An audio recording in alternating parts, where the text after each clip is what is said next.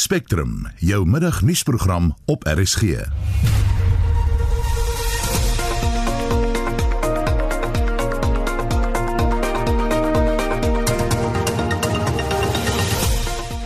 die program vanmiddag gedruk op belanghebbendes van die Life Esidimeni ondersoek om die verloop van die saak te bespoedig. Three potentially implicated people who still haven't managed to secure legal representation. So they haven't been able to participate or cross examine other witnesses in the inquest. Suid-Afrikaners se afhanklikheid van sosiale media, veral WhatsApp, word op die proef gestel tydens 'n 6 uur lange onderbreking. Dit is die een wat jy ken. Dis nie net meer 'n sosiale manier om boodskappe vir jou vriende te stuur nie. Maatskappye gebruik dit, skole gebruik dit. En Action is Ivory Hof nader omdat sy volle naam nie op die stembrief verskyn nie. Die span in die ateljee is redakteur Marlene Forsie, produksieregisseur Johan Pieterse en ek is Susan Paxton.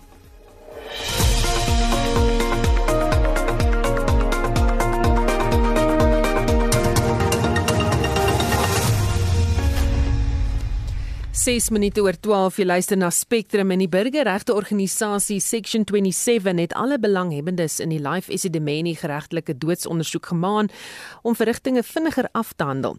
Die Hooggeregshof in Pretoria het die saak tot November uitgestel, het die de Klerk doen verslag. Die vertraging word veroorsaak deur verskeie nie-regeringsorganisasies wat steeds nie regsverteenwoordiging het nie. Die geregtelike doodsondersoek word gehou om te bepaal of enige iemand strafregtelik vervolg kan word vir die dood van 144 pasiënte wat van die Life Isidimeni versorgingseenheid na ander nie-regeringsorganisasie geskuif is. Die kommunikasiebeampte van Section 27, Julia Chaskelson, sê dis reeds die 5de keer dat die verrigtinge uitgestel word. Three potentially implicated people who still haven't managed to secure legal representation, and so they haven't been able to participate or cross examine other witnesses in the inquest. So the inquest has been postponed for another six weeks to allow these people time to try and find lawyers. So really, we're trusting that the Legal Professions Council and all other stakeholders in the process, including the National Prosecuting Authority, work together to make sure that this process is expedited so that we can continue with the inquest and hopefully get to the bottom of the story of, how and why 144 mental health care patients died after being transferred. Sy sê hoewel die ondersoek eers vanjaar begin het, is die pasiënte reeds in 2016 oorlede en families van die oorledenes sukkel om voort te gaan met hulle lewens. Section 27 is trying to reiterate the urgency of the inquest kind of going ahead efficiently and effectively. Because it has been five years since the deaths occurred, and it's really important for the families to get a sense of closure. This inquest is an important step towards criminal accountability for the people who are responsible for the deaths of their loved ones, but also an important process in terms of accountability, in terms of making sure that something like this never happens again, and that the people who made this terrible tragedy occur are actually brought to book. Jaskelson sê section 27 verteenwoordig 40 van die oorledenes se families. Not all of the families have wanted to be involved in this process because it is a particularly taxing and emotionally draining kind of process for them. But the kind of feedback that we're, we're hearing from families is that these delays, these postponements, the adjournments are very frustrating because kind of justice delayed is justice denied. Die verrigtinge word op 15 November in die Hooggeregshof in Pretoria voortgesit. Dit word virtueel aangehoor. Ek is Estie de Klerk vir SAK nuus. Die presidentsie het gister die 8 kandidaate op die kortlys vir die posisie van hoofregter van Suid-Afrika bekend gemaak. Spectrum het gister voor die bekendmaking van die kortlys met professor Koos Malan, 'n kenner op die gebied van publieke reg aan Universiteit Pretoria gepraat. Toe het ons geweet dat die openbare beskermer Bosisiwe Mqobani en die Wes-Kaapse regter-president John Klopie se name op die lys verskyn. Sedertdien het dit bekend geword dat die Gautengse regter-president Danstan Klambo en adjunkhoofregter Raymond Zondo ook op die lys is, saam met regter Mbiseli Mdlanga, regter Mandisa Maya, Dr Wallace Mkoitjie en advokaat Allen Nelson SC. Ons praat nou weer met professor Malan oor die amptelike kortlys. Goeiemôre Koos. Goeiemôre. Is daar nou verrassings onder die kandidaate vir jou? Uh, inderdaad wel ja. Uh, ek het nie uh, verwag om iemand soos uh, advokaat Nelson op die lys te sien nie in die lig van die feit dat hy uh in die eerste plek baie min regterlike ervaring het en in die tweede plek vreemd genoeg van dese ouderdom. Hy is 69 jaar oud. Uh, dit beteken nie dat 'n uh, regter op daardie ouderdom vir 'n tydperk van 10 jaar ingestel kan word en dus tot ouderdom uh 79 kan kan dien nie, dit kan heeltemal gebeur. Eh uh, ten minste vir 12 jaar, ekskuus tog, vir 12 jaar aangestel word tot ouderdom 81. Dit kan inderdaad gebeur. Trouwens eh uh, in die Verenigde State weet ons dat regters op die federale hof word aangestel lewenslank. Eh uh, maar tog is dit so dat eh uh, dat uh, daardie twee faktore tel inderdaad teen ons. So dit is my verrassing. Die eh uh, die die die vermelding van die name van Sloppe en Kwetbane bly steeds vir my verrassings. Uh inderdaad onaangename verrassings. Ek het dit vind dit vreemd dat hulle hoegenaamd genomineer is en nog meer vreemd dat hulle inderdaad die nominasies aanvaar het. Wat betref die uh ander kandidaate is daar moontlik een persoon wat uh, wat ook as uh uh wat wat ook, uitgesonder kan word as iemand wat mens nie nie sou verwag het te noem sou word nie. Uh en dit is uh, Dr. Wallace Mkobi. Mkoki, hy is uh nie 'n sittende regter op die oomblik nie. Uh hy het ook inderdaad min ervaring op die regbank, iets wat mens normaalweg met betrekking tot 'n aanstelling as hoofregter sou sou voorsien het. So dit is vir my die die die uitsonderings wat ek inderdaad nie voorsien het nie. So my waar dit is 'n hele paar van hulle, 4 uit die 8. Dan eh, regter president Dunstan Lambo blyk een van die gunstelinge te wees vir die posisie. Waarvoor het hy bekendheid verwerf? Wel in die eerste plek is hy al lank op die regbank en hy is tans soos wat jy pas aangedui het die regte president van Gauteng. Uh Gauteng het 'n baie besige hogeregshof, trouens die besigste hogeregshof van al die afdelings van die hogeregshof in die land. Uh vir daardie doel word baie goeie hofleierskap verwag van die regte president om net te sorg dat die uh, dat die dat die masjien geolie loop en die aanduiding is dat uh, regter Lambot ten ten aansien daarvan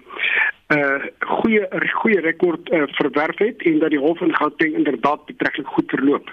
Uh, hy is ook iemand uh, wat van wat na persoon uh, uh iemand is met 'n baie billike en met met 'n baie uh, kalm uh, geaardheid. Uh iemand wat mense inderdaad op 'n regbank sou verwag vir ook in 'n veral ook in 'n leiersposisie en dis waarskynlik ook iets wat hom in 'n sterker posisie plaas. Tot sy nadeel strek die feit dat hy nie enige ervaring het uh op die bank van die grondwetlike hof nie. Daar is natuurlik van die ander kandidaate wat wel al sodanige ervaring het, het sy die feit dat hulle op die oomblik op die grondwetlike hof regbank sit, uh, of ten minste partye daar waargeneem. Dit is die faktor wat teen hom tel. Dan is daar ook ontleeders wat meen sy uitsprake is altyd ten gunste van Ramaphosa. Stem jy saam?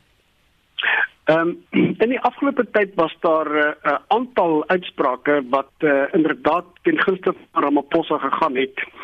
Uh, maar ek dink nie mens kan die regter noodwendig daarvoor verkwalik nie vir die doeteenvoudige rede dat etlike van die sake waarby die president betrokke was was eintlik betreklik voor die hand liggend met betrekking tot die verwagte uitslag daarvan en ek dink nie dit kan hoegenaamd sonder meer uh, as 'n aanduiding van uh, politieke korrektheid of van politieke partydigheid heens die president beskou word nie. Tot hoe mate gaan adjunkhoofregter Raymond Zondo se betrokkeheid by die kommissie van ondersoek na staatskaping tot sy voordeel strek? wat my betref eh uh, uh, Susan uh, inderdaad baie. Uh, regter president eh uh, minste regter eh uh, regter Zondo eh uh, is uh, is eintlik 'n soort van 'n openbare figuur. Hy hy is houtelike figuur op die televisies van ons almal en op die radio en hy het inderdaad daan geslag dink ek om baie goed te presteer uh, as 'n uh, as 'n voorsitter van die Zondo kommissie. Eh uh, hy is iemand wat uh, grootendeels uh, ferm opgetree het regverdig opgetree opgetree uh en uh, al die nodige professionaliteit wat gewoonlik met die met die beroep van regter vereenselwig word dink ek het hy tentoongestel hy inderdaad oor beskik uh veral in omstandighede waar die uh grondwetlike hof so tans eintlik ernstig in die gedrang is en daar ernstige en dikwels ook geregverdigde vrae gevra word uh oor die integriteit van die grondwetlike hof en sy aansien ook in die gedrang gekom het uh, dink ek is uh is is regter Zondo uh, iemand wat uh, reg wat die wat die president graag sou wil aanstel uh, om uh, in uh, inderdaad die pos van hoofregter op te neem. Wat tot sy nadeel tel uh, is dat hy reeds nagenoeg 7 uh, jaar gelede aangestel is op die grondwetlike hofbank en hy net uh, uh nagenoeg 3 jaar oor het. wat hy op die reggrondwetlike hof se regbank verder kan dien en dis baie kort tydperk het sou hy aangestel word as hoofregter. Dit word geopper as 'n moontlike beswaar, 'n moontlike voorbeeld. Ek persoonlik dink nie dis so nie.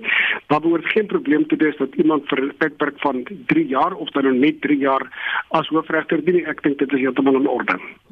Het die openbare benoemingsproses die kandidaate lys drasties beïnvloed? Ek dink nie so nie. Ehm uh, dit dit dit alles waar beïnvloed vir soverre as wat die vier mense wat ons aan die begin van ons gesprek genoem het uh op die lys gekom het en andersins nie op die lys sou gewees het nie. Maar dit is meer van 'n simboliese beïnvloeding as enigiets anders.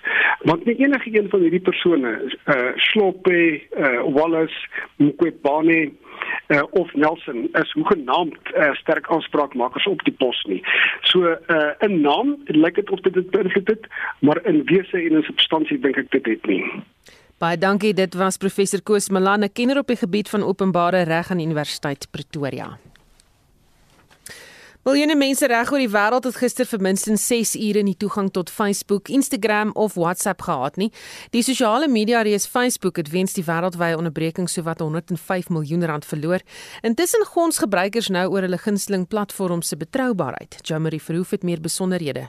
Dis nog onduidelik wat die voorval veroorsaak het en Facebook gee nie te veel weg nie. Die direkteur van die Universiteit van Johannesburg se sentrum vir kubersekuriteit, professor Basie van Solms, verduidelik wat moontlik die onderbreking kon veroorsaak. Die spekulasie is dat die sogenaamde domein naambediener, dit is eintlik nou maar die internet se telefoonboek dat hy in mekaar geval het. Dan gaan hy op na die volgende bediener toe of die volgende telefoonboek wat 'n weier uitsig het oor die wêreld. En as hy nie weet nie so hierdie telefoonboek lê is die kern van die pad wat jou navraag moet neem om by die betrokke webwerf te kom. En uiteraard as daai telefoonboek nie beskikbaar is dan weet jou webleser nie waarheen om te gaan om by hierdie webwerf uit te kom nie Facebook se grootste mededinger, Twitter, het tydens die onderbreking 'n hele paar nuwe gebruikers verwelkom.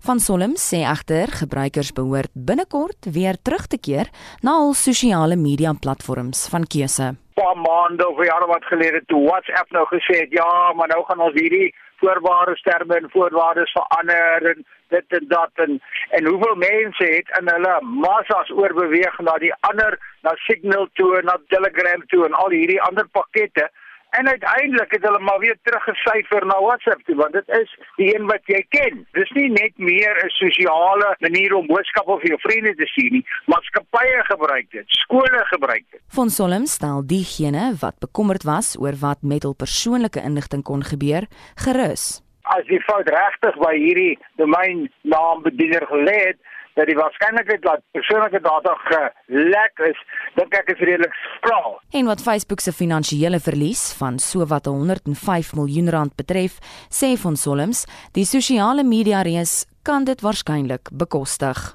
wat is die sosiale, die emosionele impak van hierdie ding? Dit is wat vir my baie baie meer belangrik is. Hoeveel mense het vir ons vir ambulans 'n WhatsApp gestuur en sê kom dadelik, daai boodskap het nie deurgegaan nie. Maar ek dink daar's baie mense, soos ek en jy, wat ernstige nagevolge gehad het as gevolg van hierdie aftyd. So die geld is vir my irrelevant daai maatskappye kan dit bekostig en hulle het heel waarskynlik het hulle versekerings teen die tipe goed. Dit was die direkteur van die Universiteit van Johannesburg se sentrum vir kubersekuriteit, professor Basie van Solms. Ek is John Marie Verhoef vir SAK nuus. Nou Facebook se mede-stigter Mark Zuckerberg het intussen om verskoning gevra vir die onderbreking en dan eh, vloei die grappies ook weer op sosiale media oor hierdie onderbreking. Eh, soos die ene wat eh, Johan Markram gestuur het wat lees Facebook took down a Chuck Norris post. So Chuck Norris took down Facebook. So dis nou weer besig op WhatsApp. Hy werk weer ten volle. Maar laat weet ons gerus hoe die onderbreking jou geraak het. Stuur 'n SMS na 45889. SMS se kos R1.50. Sê vir ons hoe dit jou geraak het as jy dalk 'n besigheid het of dit nodig het vir een of ander iets. 45889 dat ons kan sien hoe dit jou geraak het.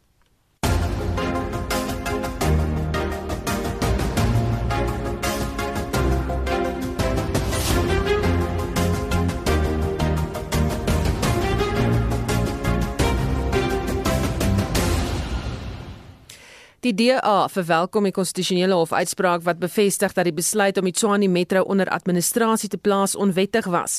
Die hof het die appel aansoek van die Gautengse ALR vir samewerkende regering, Lebogang Mahile van die hand gewys. Mahile het appel aangeteken teen die uitspraak van Laer Howe wat bevind het dat die besluit om die metro onder administrasie te plaas onwettig was.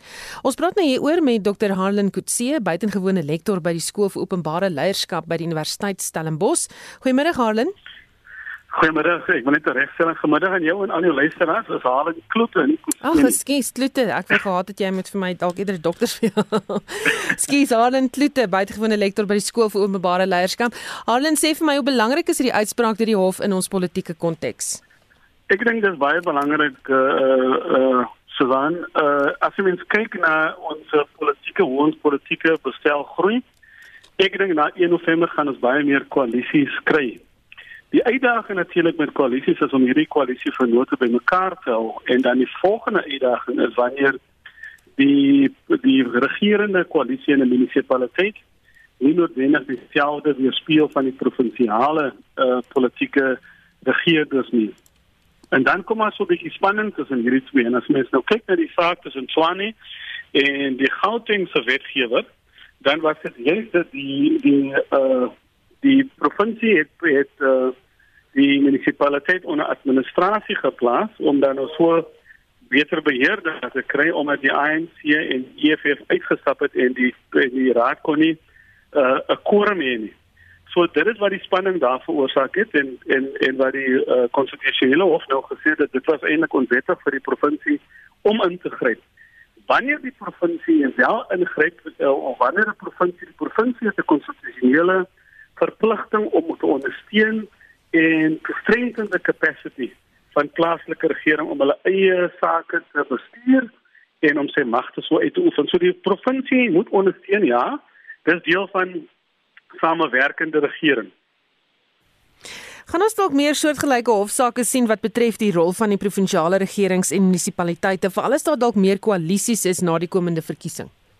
Nee, ek dink hierdie een trek 'n trek 'n goeie lyn in die in die in die sand oor onder watter toestande en alhoewel daar was uh versagtende omstandighede, alhoewel die raad van Tshwane kon vir 'n hele tyd nie fungeer nie, omdat die EFF en die ANC bloot net uitgestap en dan kan die raad nie besluite maak.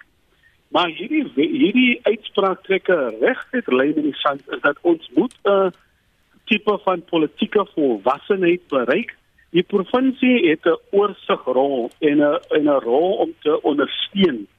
En hy moet hom en om dit uit te voer moet hy onpartydig wees want jy weet ons se groot ons almal onderwerp onsself aan wat die konstitusie sê. So die lyne is in die sand getrek vir soortgelyke intervensies, duidelike riglyne wat gevolg moet word. Sê vir my gee mense regtig om oor wie die munisipaliteit regeer of wil hulle net dienste hê? As jy vir my nou vra, dan sou ek sê die Suid-Afrikaners is daar's konsensus onder Suid-Afrikaners. Hulle wil nie mense moet steel nie. Hulle wil nie mense, hulle wil goed regeer word. So as jy, ek dink die mense gee regtig om uh, wie hulle regeer. Daar is drie uitdagings wat munisipaliteite en die regering in die gesig staar en daar's konsensus rondom politieke partye. Armoede, ongelykheid en werkloosheid. Ons moet hierdie goed aanspreek. En regering, ons het ons het uh mense in regering nodig wat ons kan vertrou en wat en wat bestuur en regeer in die beste belang van die dorp. Nou in elke politieke party kry goeie mense en kry slegte mense. So ek dink uh, Suid-Afrikaners wil goed regeer wees. Ek dink dit is amper 25 26 jaar van regering en vir baie van ons gemeenskappe het die het die lang ellende van die verlede apartheid nog nie geëindig het nie. En hierdie gemeenskappe regtig verdien 'n regering wat regtig omgee. En so Suid-Afrikaners het het het het, het 'n geleentheid om 1 November te gaan stem, maar ek dink nog belangriker is wat gebeur tussen verkiesings. Weet jy, jy moet aanhou aktief deelneem om hierdie demokrasie te vorm. Het politieke leierskap in die land die politieke volwassenheid om byvoorbeeld meer koalisies te hanteer en steeds te fokus op dienslewering? Kyk die laaste OG verslag het het geduidelik gewys. Sê het, uh, het het het getoon van die 70 munisipaliteite wat funksioneer is. Het die het die kom die OG tot die slotsom wanneer daar politieke volwassenheid is in die raad en die raad regeer nie vir sy eie belang nie, maar die raad regeer vir die beswil van die mense, dan het jy baie goeie resultate. So ek dink dat ons groei daarna toe. Uh, ek dink die verkiesing ons ons beklei almal hard, is amper soos 'n skoonheid kompetisie, almal stry hard, kom stem vir my, kom stem vir my. Maar na 1 November moet ons dan konsensus hê. Whoever is the government moet dan regeer in die belang van nie net hulle wie vir jou gestem het nie, maar ook hulle wie nie vir jou gestem het nie. En dit is 'n groot teken van volwassenheid wanneer ek met mense kan saamstem wat ook nie vir my of, of saamwerk wat nie vir my gestem het nie. So wanneer iemand in oppositie is 'n party, dan moet hy 'n patriotiese oppositie wees dat ons wil glo dat mense dan regeer in die belang van die mense en nie vir hulle eie politieke uh uh kortstondige uh kortsigtige sorry kortsigtige uh einddoele nie Baie dankie. Dit was Dr. Harlan Kloete, buitengewone lektor by die Skool vir Openbare Leierskap by die Universiteit Stellenbosch. Die verkiesingskommissie het sy mes in vir Action SA, soos die party nadat die OFK nie sy naam op die stembriewe gedruk het nie. Die party dreig nou om die OFK hof toe te sleep. Jamari Verhoef doen verslag. Volgens Action SA se Gauteng se voorsitter, John Moody, voldoen Action SA se naam aan die OFK se vereistes wat stembriewe betref. Partye se name mag nie meer as 8 letters bevat nie. Moody sê daarom het Action SA nie 'n afkorting vir sy naam geregistreer nie. Nou is die party egter naamloos op die OVK se stembriewe. As 'n mens jou party registreer, vra hulle vir jou of jy 'n afkorting ook het. Ons het nie 'n afkorting vir Action SA nie, want ons staan op binne die 8 syfers. En as gevolg daarvan het ons nie nodig vir 'n vir 'n afkorting en ons het geen afkorting vir ons naam nie. Die party sê die verkiesingskommissie weier om die saak reg te stel. Die IEC volgens die wet moet optree op so 'n so manier dat hulle kan verseker dat 'n verkiesing deur 'n vrye en fair proses gehou word. Hulle sê dat ons daar op op op op die registrasievorm vra hulle het jy 'n afkorting en ons sê not applicable. Want ons het nie afkorting nie, ons naam is SNSA. Moody sê die ontbreking van Action SA se naam op stembriewe kan die redelike nuwe party en sy kiesers benadeel in die plaaslike regeringsverkiesing in November. Action SA wend hom nou na die hof. Ons wil hê dat die hof die ANC moet verplig om ons naam op die stembrief te sit. So as ons nie ons naam op die stembrief het nie en, en net ons embleem voel ons dat ons benadeel sal word as gevolg van die feit dat baie mense nie sal verstaan of ons simbool of embleem sou kan herken op die stembrief nie. Dit was Action SA se voorsitter in Gauteng, John Moody. Ek is John Marie Verhoef vir SAK nuus. Ons praat nou ook met die OFK se woordvoerder Granwell Abrams oor hierdie en ander kwessies. Goeiemôre Granwell. Goeiemôre. Wat is die OFK se reaksie op uh, Action SA se beweringe? Wel, ons het nou 'n klaar standpunt daar gestel en uh, dit lyk my ons verskil en uh, Action SA het nou gesê gaan hof toe en dan berus ons onsself met dit met die uitspraak van die hof. Maar wat ek wil wel wil sê is dat wat ons nou toepas is wat ons uh, is presies wat ons nou al die jare toepas. Dit is die heel eerste keer dat daar partye sonder afkorting nie. Dit het al gebeur al en ehm um, daar was geen kapsie daarteen gemaak nie want partye dit was hulle keuse om nie afkorting te hê nie. Het die registrasieproses wat dit aan betref oor die jare verander? Nee, beslis nie. Dit is nog steeds dieselfde.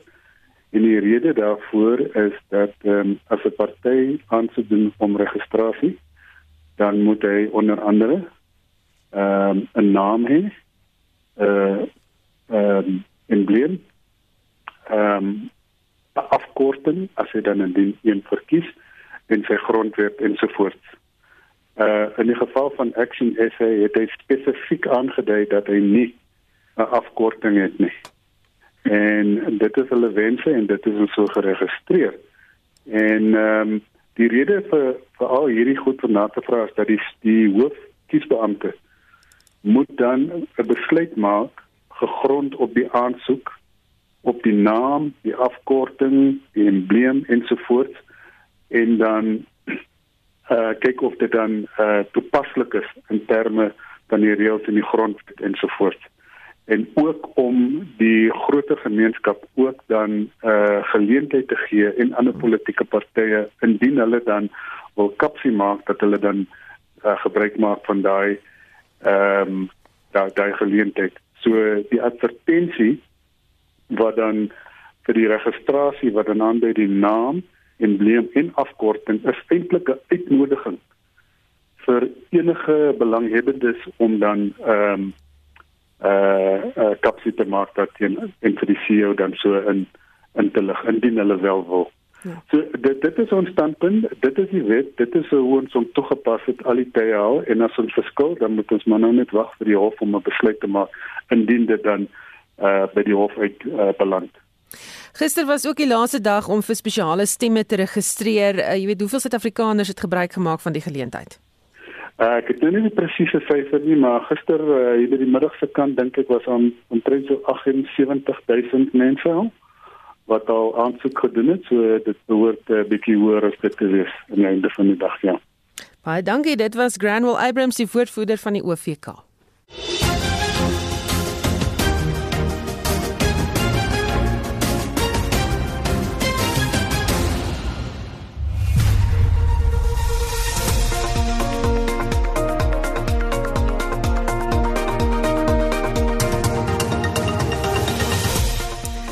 Later in die program die petrolprys daal terwyl die prys van diesel en parafin gaan styg. Ons verskaf meer duidelikheid daaroor. President Cyril Ramaphosa lei vandag 'n buitengewone beraad van die Suid-Afrikaanse Ontwikkelingsgemeenskap oor die ontplooiing van soldate na Mosambiek en die jaarlikse algemene vergadering van die internasionale lugvaartvereniging IATA het in Amerika begin. Die hoop uh, dat lugredere wêreldwyd teen 2050 'n nul koolstofvrystelling sal bereik. Bly ingeskakel.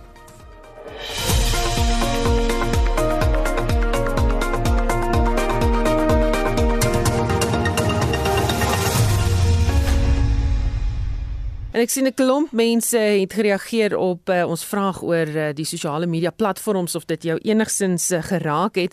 Iemand wat sê oor die WhatsApp boai, hoe kan 'n mens regtig voel op 'n diens waarvoor 'n mens nog nooit voor betaal het nie? 6 ure uit meer as uh as 'n klomp leiders vanaf 2009 is nie sleg net soos die persoon kom nou daarop neer dat hulle sê is net 6 ure vir soveel ure wat dit al gewerk het uit is dis nie so sleg nie. Dan sê Kitty Meisener, "Jippie, ek het 'n klein voetjie wat net SMS'e kan stuur." baie is vies daaroor vir my werk dit perfek staan nie belang in al daardie nonsens nie sê Kitty. En dan uh, sê nog 'n luisteraar um, goeiemiddag my WhatsApp is steeds af is nou al moedeloos gaan dit later nog self regkom? vra die persoon. Ek weet nie ek weet nie of jy al jouself van dalk uh, jy weet uh, aan 'n afgesit het nie miskien help dit. Dan um, my Facebook rekening was gelok vanaf die 1 Oktober en ewe skielik kan ek dit nou weer gebruik. Nog voor die ineenstorting um, en die persoon sê dit het niks met DNS te doen nie. Ek neem aan dit gaan ook 'n bietjie oor die inenting daar. 'n luister wat sê my familie is in Austin, Texas, het ons laat weet en ek het toe agtergekom my dogter wat ek moet gaan haal by haar kursus. So WhatsApp is af. Dit was chaos gister sê Jonathan April van Gouda en nog iemand wat sê dit was eintlik vrek funny. Die oomblik toe Messenger, Facebook, Instagram en WhatsApp crash, toe is dit uh, soos 'n sekonde en almal is oor na SMS'e en e-mails toe. Ek het omtrent gegiggel, dis Stella Barnard van Kimberley. En nog iemand wat sê ek voel baie beter oor my skermtyd ek het nie agtergekom die sosiale netwerke is af nie. Dis Amelia van Pretoria wat laat weet dit jy kan nog saamgesels en vir ons laat weet hoe daardie uh, uh sosiale media wat toe nou heeltemal ingestort het, is nou Instagram en Facebook en uh WhatsApp, hoe dit jou beïnvloed het.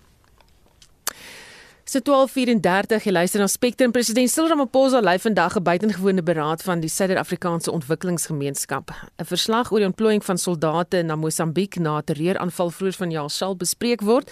Ramaphosa is die SADC voorsteur vir politiek verdediging en veiligheidssamewerking en vir die jongste praat ons nou met 'n senior navorser by die Instituut vir Sekuriteitsstudies Liesel Lou Wodren. Goeiemôre Liesel. Goeiemiddag. Die teenwoordigheid van buitelandse magte in die Cabo Delgado provinsie loop 15 Oktober tot 'n einde, is dit te gou? Ja, ek dink so die situasie op die oomblik staan, ehm um, is dit redelik gou. Ons weet dat ehm um, finansiering van die magte is 'n groot probleem. Ehm um, maar hulle het letterlik nou eers in die laaste paar weke begin suksesse behaal en en ontplooi in sekere gebiede.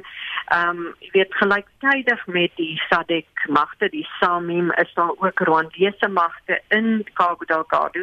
En dit speel ook 'n rol want eh uh, staatsleiers wat nou vandag in Pretoria vergader kan dalk sê wel weet ehm um, SADC is nou teenwoordig in sekere gebiede. Die Rwandese het ook redelik suksesse behaal uh, in die laaste paar weke. So hulle moet nou opweeg wat is SADC se spesifieke bydrae. Maar ek sou sê en dit lyk tog asof daar die gesprekke vandag uh rondom 'n aanbeveling is van van nou daar was vergaderings van ministers van ehm um, weet al die ministers van verdediging en so aan ehm um, verdedigingshoofde van die SADC streek dat die mandaat wel verleng gaan word want dit was nogal 'n redelike ook 'n belegging om nou al die troepe daar te kry. Daar's nou minder as 1000 uh, terwyl daar ehm um, volgens die ooreenkoms met Mosambiek by die 3000 uh, goedgekeur is. Maar ehm um, ja, de, om hulle nou te onttrek oor 2 weke sou amper ek sou sê ehm um, finansiëel self in terme van die belegging om hulle daar te kry sou sou miskien te vroeg wees. Hmm. Jy het reeds voor die aanval in Cabo Delgado gewaarsku dat terreur in Mosambiek nie ernstig genoeg opgeneem word nie. Dink jy dit geniet nou die nodige aandag? Ja, definitief. Uh jy weet vir die laaste amper 4 jaar nou het ehm um, ek self ander waarnemers die Instituut vir Sekuriteitsstudies ons het al in Augustus verlede jaar 'n verklaring gemaak wat sê SADC moet die SAUG moet dit ernstig opneem en uh, dit lyk definitief asof daar nou vordering gemaak word ons is ook bly om te sien jy weet dat die SAUG en dan nou die Rwandese wat daar is klem lê op ehm um, die mense wat die, die interne vlugtelinge, uh, humanitêre hulp en so wat absoluut dringend nodig is. Daar's um by die 800 000 mense wat uit hulle dorpies uitgejaag is en dit is 'n absolute humanitêre krisis in ons streek. So Ehm um, dit is definitief 'n goeie ding dat uh, dit nou ernstig opgeneem word. Dit is 'n groot belegging in 'n tyd waar SADC lande definitief nie finansiëel dit eintlik kan bekostig nie, maar vrede ehm um, en uh, jy weet hulp aan aan ons buurlande het ook uiteindelik 'n impak op ons wanneer dit kom by uh weet immigrante en so aan in Suid-Afrika. Liesel, wat gaan jy nog wil hoor moet uit daardie beraad kom? Ja, ek dink ons moet 'n baie duideliker um, idee kry van presies hoeveel troepe daar is van ons weet nou die lande wat bydra is Suid-Afrika, Botswana, Tanzanië en Angolese net 'n paar van hulle daar's van Lesotho. Um, maar ons het, ons het meer inligting nodig oor presies wat dit kos, presies waar hulle is. Ons weet daar's al een Tanzanier wat uh, dood is en 'n paar ander gewond in hierdie aanvalle, maar presies wat is ook hulle verhouding met die Rwandese mag? Hoe lank gaan die Rwandese nou daar wees? Hulle is nie lid van SADC nie. Ehm um, jy weet die verhouding met Mosambiek. So ehm um, dit die ideaal sou wees sou ek dink dat hulle mandaat verleng word. Ehm um, miskien vir nog 3 maande. Ehm um, maar dat daar ook 'n baie duideliker soort van 'n strategie is wat presies ehm um, moet uh, bereik word. Wat is die langtermynplan? Wat is die ehm um, uiteinde wat jy weet watter kriteria moet moet uh, in plek wees vir hulle om te onttrek? En dan as ek sê miskien net meer inligting oor oor presies waar hulle is en uh, so natuurlik ek meen dit is 'n terreur situasie dis 'n oorlogssituasie alles ons ons verwag nou nie hulle moet vir ons sê presies ehm um, jy weet waar nou uh, ontplooi is die dag voor die tyd of iets nie. Maar ehm um, omdat dit belastingbetalers geld is eintlik wat uh, gebruik word vir hierdie missie ehm um, is dit standaard praktyk vir wanneer daai die VN of so ontplooi dat ons dat ons darm inligting het oor jy weet ehm um, presies hoeveel ehm um, spesiaal dan wat ons dis maar meer spesiale magte op die oomblik. En soos ek sê, wat is wat is die rol van Rwanda en Mosambik in in hierdie ontplooiing? Baie dankie. Dit was 'n senior navorser by die Instituut vir Sekuriteitsstudies Liesel Lou Wodren. Brandstofpryse sal vir die verskillende oktaan petrol met tussen 1 en 4 sent per liter daal. Die prys van diesel en parafin sal egter styg. Ons praat nou hieroor met die ekonom Richard Downing. Goeiemôre Richard. Goeiemôre Susan. Met hoeveel styg diesel en parafin? Wel diesel styg so met 23 sent en uh, parafin met 43. So dit is 'n redelike verskillende stygings wat ons hier sien met uh, petrol soos jy sê wat omtrent dieselfde bly. Daar's 'n daling van so 1 sent en 4 sent en dan gas uh, die daling so met 7 sent. So wat ons hier sien is dat die hele proses van raffinering en uh, neuweprodukte en so net verskillende impakte en kostes tot gevolg en dit is maar hoekom ons redelike verskille in, in die in die prysstygings en veranderings sien. En ek wil net vir vra, jy weet hoekom styg uh, jy weet die diesel terwyl petrolprys daal? Ja, wel dit is nou jy so ek ben 10 teen 1 is dit jou skaal van die brandstof in die raffineringsproses en van en van en van diesel wat wat 'n nuwe produk is wat in kleiner mate soort van geproduseer word en daarom sal jou produksie per sê maar liter dan nou duurder wees. En dit is teen teen wat mense sien in terme van dat die prys dan 'n bietjie vinniger uh, styg in terme van plaas van van uh, van van, van uh, petrol en so en so uh, die die, die proses eintlik is maar 'n groot rede hiervan. En dan ook natuurlik daar's nog 'n vervoerkoste, dis pipeleidings en so aan wat ook 'n rol kan speel by die vaststelling van hierdie pryse. En op die uiteinde en dan weet ons ook daar is allerlei uh, brandstofheffings en en en en die tipe van addisionele soort van kostes en marges vir jou groothandelaars en so wat ook nog op die uiteinde bykom en dit is maar alles uiteindelik by die pompprys te sprake kom. Brent oliepryse het ook gestyg en die organisasie van petroleum uitvoerlande is juis besig om daaroor te vergader. Wat is die invloed op ons uiteindelik? Wel ek meen daar is twee groot faktore wat eintlik jou brandstofprys maar bepaal uh in in 'n sekere sin en dit is eintlik die die olieprys soos jy noem wat internasionaal vasgestel word wat jy nie eintlik 'n beheer oor het as 'n spesifieke land nie. En dan is daar nog uh vervoerkoste en en en versekeringskoste wat bykom dalk om dit te lewer by jou hawens en dit is jou olieprys en dan nog daarby daarby saam en natuurlik nou allerlei ander heffings en so en wat bykom. En die, die rand speel 'n baie groot rol in terme van want mense koop nou die uh, brandstof in in die buiteland in in dollars en dis wat jou olieprys maar internasionaal word alles weer spier in dollars FSA dollar en dan word dit omgeset in rand. En soos die rand wat redelik was vervallig is op en af beweeg en dit invloed hê dan op jou prys so jy twee twee twee veranderlikes wat 'n groot rol speel dit is die olieprys en jou en en jou geld jy net so so waarde. En ek dink dit is wat ons ook maar sien in terme van die vervalligheid van die brandstofpryse wat dan bo is en en die redelike hoë vlakke hier in September bereik bereik het en van van die hoogste vlakke wat ons nog gesien het en op die oomblik uh, is dit 'n bietjie uh, nie te verwagte almal as jy vir ekonome vra wat verwag hulle van die brandstofprys dan gaan jy duisende antwoorde kry en niemand weet eintlik nie. En almal ek dink is maar 'n grootlik grootlikse raaiskoot van voorrade van produksie en van ooreenkomste wat die OPEC lande en so onder mekaar sluit en so dit alles vorm deel van op die uiteinde die uh, internasionale oliepryse en dan op die uiteinde ook jou jou geldeenheid se waarde. Dan is daar ook tans gesprekke aan die gang oor die moontlikheid dat inflasie hoër is as wat statistieke Suid-Afrika aanteken. Hoekom dink mense dit? Ja, wel, die die hele ding is ek en jy uh, ons dink ook uh, inflasie is heel wat hoër en ou se vrou sê dit die hele dag vir jou want jy maak dit nie met jou begroting nie, maar die begroting waar jy sê dan wat sê hanteer dit doen eintlik met inflasie nie, want inflasie is 'n makro-ekonomiese maatstaf wat eintlik wel baie keer vir beleidsdoeleindes aangewend word. Veral as jou PPI, die algemene prysstygings in die in die ekonomie vir vir verbruikers Dit is wat mense daar sien en mense ook sien in statistiek publiseer dan ook eintlik verskillende verbruikersprysindexe vir streke, vir inkomste groepe. En dan moet ons net onthou daar is seker ouens wat ook nie glad nie vir dienste betaal nie. So hierdie gewigte wat jy toeken as 'n huishouding sê maar. Hulle lyk heeltemal anders as wat in die ekonomie geld wanneer opnames gedoen word onder al die verbruikers in die land. So jy weet daai verskille is altyd daar en dit gaan daar wees en ons moet eintlik praat van wat wat is jou verbruikersmandjie?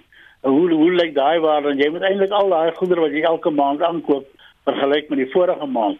En dan gaan mense teen teen sien jou jou jou voedsel en en basiese benodig huishoudelike benodighede en dan water en elektrisiteit en daai tipe pryse jy gaan dan kan sien hoe hulle styg. En elke huishouding se soort van gewigte en of die die aantal hoeveel geld wat hy op elkeen van daai verbruikers items bestuur bestee verskil. Daarom gaan elke huishouding eintlik 'n verskillende soort van vlak van 'n prysstygings ervaar vir sy mandjie van goedere en dienste wat hy aankoop. Baie dankie. Dit was die ekonom Richard Downing. Die jaarlikse algemene vergadering van die internasionale lugvaartvereniging IATA het in Boston begin met 'n resolusie dat lugrederye wêreldwyd teen 2050 'n nul koolstofvrystelling moet bereik. Lugrederye het tydens die pandemie verliese van sowat 201 miljard Amerikaanse dollar gelei en sal eers weer in 2023 'n wins kan toon. Esie de Klerk doen verslag. Dis die eerste keer sedert die begin van die pandemie dat lede van die lugvaartbedryf weer byeen is. Charlie Baker is die goewerneur van Massachusetts wat die stad Boston verteenwoordig waar die jaar se byeenkoms aangebied word. In many respects, our ability to be a global community is dependent on physical presence. It's so much harder to be a jerk to people. I'm serious. Public life, all right? Big part of my career. Face to face is very different than virtual and social media. It just is. And a huge part of what you all make possible is face to face. And face to face among colleagues, face to face among nations, face to face among communities. It's a big part of how we recognize one another's humanity and how we find common ground and an opportunity to work together and move our respective organizations and communities forward. Die president van die internasionale lugvaartvereniging, Salvatore Schiacitano, sê dis hoogtyd dat 'n resolusie oor klimaatmigrasie bereik is. For our sector, the dual imperative of recovery and emission reduction underscore that we cannot waste the opportunity before us for sectorial transformation and renewal. In addition to the retirement of less efficient aircraft types, which has been very welcome development over the last 18 months, commercial aviation must be determined to pursue further transformation. Die bedryf het reuse verliese tydens die pandemie gelei en sal waarskynlik eers weer in 2023 'n wins toon. Die bestuurshoof van IATA, Willie Walsh, sê die bedryf het verlede jaar 'n verlies van 138 miljard dollar gelei. 'n Verlies van 51 miljard dollar word boonop vir 2021 voorspel en 'n verlies van 12 miljard dollar word volgende jaar verwag. The recovery will not be consistent across the world. You know, we're forecasting losses in the industry, but that reflects a profitable North American industry and pretty much loss making outside of North America. There clearly will be individual airlines that will do better than that. But at the moment, uh, the pace of recovery in international markets continues to be dictated by government restrictions, not by the virus. You know, and I've been saying that for some time now. You know, the, the crisis, the financial crisis in the industry in 2021 is not because of the coronavirus. It's because there are government restrictions stopping airlines from flying. Walsh het ook melding gemaak van lughawe-operateurs en lugvaartbeheerdienste verskaffers soos die Suid-Afrikaanse Lughawe-maatskappy AXA wat probeer om verliese te verhaal deur onnodige hoë prysstygings te vra van lugrederye in Suid-Afrika.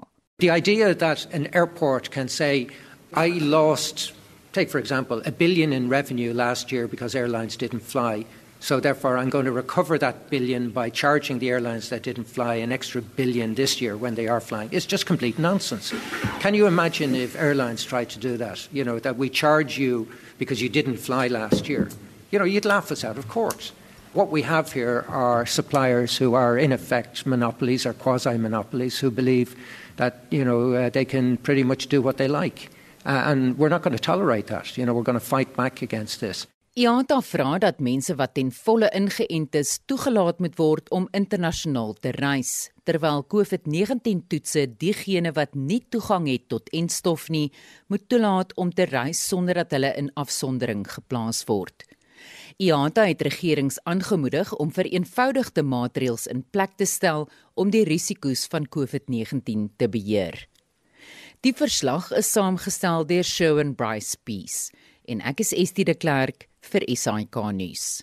Is nou presies 10 voor 1 vandag se sake nuus word aangebied deur Renier van Sail portefeuljebestuurder by Efficient Private Clients. Goeiemôre Renier. Goeiemôre en goeiemôre aan almal wat inluister. As ons wegspring en ons kyk na die ons plaaslike mark, is die beurs lekker sterk. Ons sien dat die alle aandele indeks is 0.2% sterker en ons top 40 indeks is 0.1% sterker. Hulle word versaaklik hoër getrek deur ons hulpbronne wat self sterk is vir die dag. En dit is baie goeie nuus. As ons dan kyk na die aandele wat die sterkste presteer, is Exxaro op met 8% en Transaction Capital op met 4%. En dan aan die ander kant van die muntstuk is Goldfields af met 2.6% en Karoo is af met 2.2% vir die dag. Die rand het van vanoggend se vlakke so klein bietjie verswak as van op 15 teen die dollar, 20.44 teen die pond en dan 17.40 teen die euro.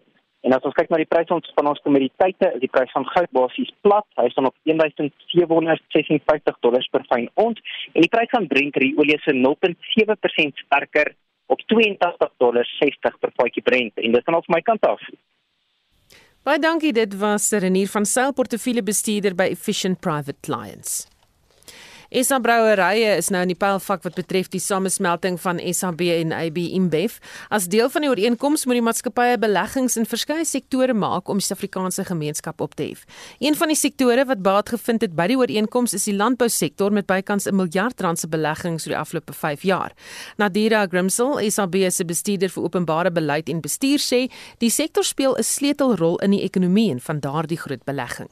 We had done that in collaboration with, I think, the need of the country as well as looking at where the potential sectors for growth and development was. If we look at the NDP, we know that the agricultural sector has a massive potential to create jobs, to relieve poverty and unemployment. And then if we look at, I think, the backbone of our economy, small and medium enterprises are essential to create jobs and to keep the economy moving forward. And as a result, we decided to invest about 610 million in agriculture and about over 200 million within within enterprise and supply development. So that's how that came along. Grimsel sê die belegging het direk te maak met die werksaamhede van die maatskappy.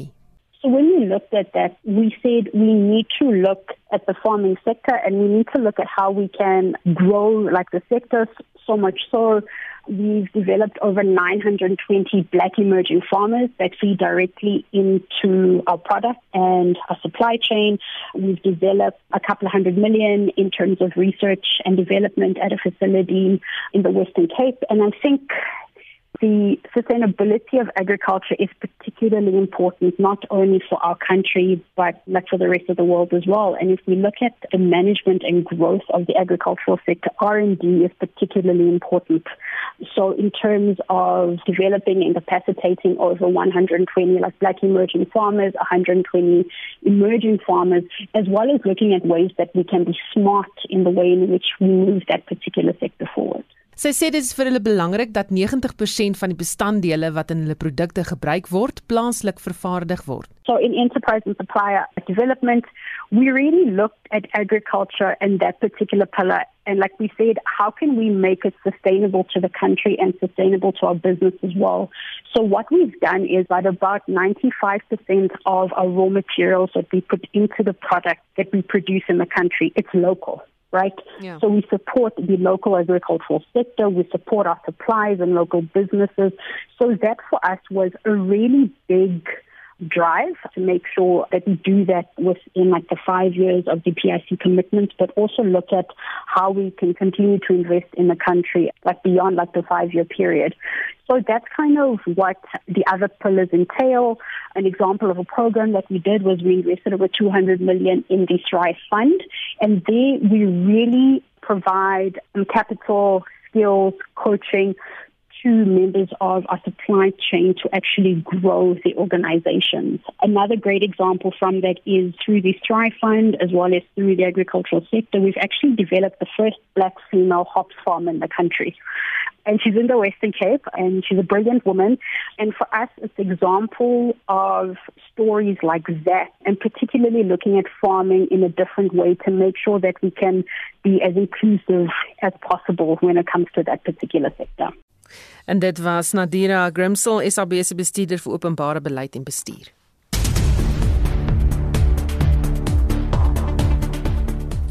Estie het vir ons die ontwikkelende stories dopgehou, Estie. Susan die burgerregte organisasie Section 27 het alle belanghebbendes in die Life Isidimeni geregtelike doodsondersoek gemaan dat verrigtinge vinniger afgehandel moet word. Die Hooggeregshof van Pretoria het die saak vir 'n 5de keer tot in November uitgestel. Die kommunikasiebeampte van Section 27, Julia Chaskelson, sê die families van die oorledenes sukkel om voort te gaan met hulle lewens. Because it has been about five years since the deaths occurred, and it's really important for the families to get a sense of closure. This inquest is an important step towards criminal accountability for the people who are responsible for the deaths of their loved ones.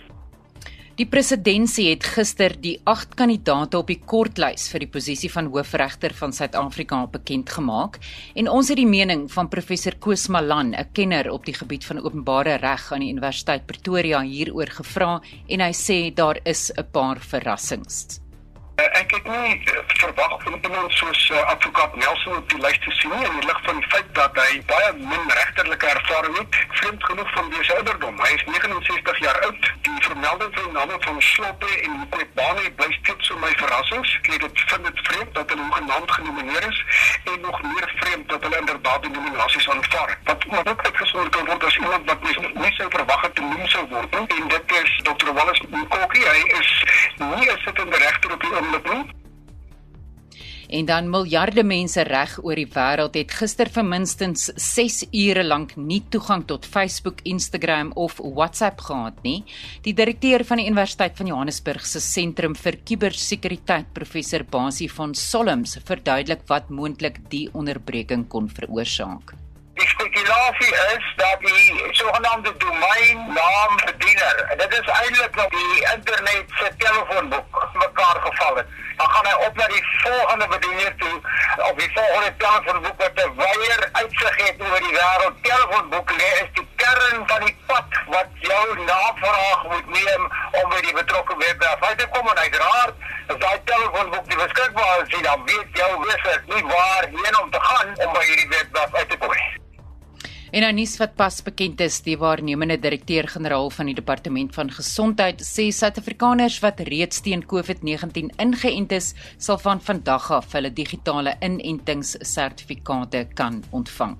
En 'n monitor praat ons môreoggend met die ekonom Mike Schuessler oor die impak van vakbondstakings op die ekonomie. Baie dankie, dit was Estie wat die ontwikkelende stories vir ons dophou. Sien nog 'n klomp luisteraars wat saamgesels oor die sosiale media wat ineengestort het gister daai drie platforms. Um iemand wat vra, hy wonder net hoekom het die netwerk nie gewerk nie. Myne was uh, ook afgewees. En dan sê Marcus van Florida, ek is 'n militêre veteraan en leier van my eenheid, kan nie bekostig dat my WhatsApp en Facebook af is nie want ek reël vergaderings vir my eenheid. Dan sê nog 'n luisteraar, ek het op RSG gehoor dat WhatsApp af is terwyl ek op pad was, toe kon ek 'n SMS huis toe stuur toe ek my bestemming of by my bestemming kom in plaas van 'n WhatsApp. Dankie RSG ons is met 'n groot plesier wat ons jou gehelp het. Ehm um, nog 'n luisteraar wat sê my WhatsApp boodskappe gaan ook nog nie deur nie sig. En uh, Marita wat sê dis tragies dat iets soos Facebook, WhatsApp en Instagram moet bepaal hoe ek my tyd spandeer. Dis tyd dat ons weer boeke lees en met die honde gaan stap. Ons is nie Pinocchio's nie. En dan sê Tossie en ek neem aan dis Tossie Logner wat sê omdat ek niks van die tegnologie van hierdie foon verstaan nie, het my hart amper gaan staan. Ure later het ek besef dat dit is nie my skuld nie, maar nou is ek darm slimmer en ek sê jammer dit het jou gesondheid effens aangepas. Ek dink meeste mense het geskrik en gedink, "Sjoe, wat wat wat gaan nou aan?" Onthou 360 net hierna weer interessante program Henny Stein en Philip Bromley vertel hoe Swellendam se erfenis uh, vereniging brûe bou in die gemeenskap met 'n projek van familiewapens teen 'n lamppale. Daar preek 118 van die wapens en uh, families wat deelneem met wat, wat nie familiewapens het nie is daar uh, met 'n konsultasie of met konsultasie eerder van hierdie wapens ontwerp. So dit klink 'n vreeslik interessante gesprek. Bly ingeskakel vir 360 net hierna. Ons groet namens ons uitvoerende regisseur Nicoline de Weer, redakteur Marlene Forsie en produksieregisseur is Johan Pieterse. My naam is Susan Paxton. Geniet jou middag.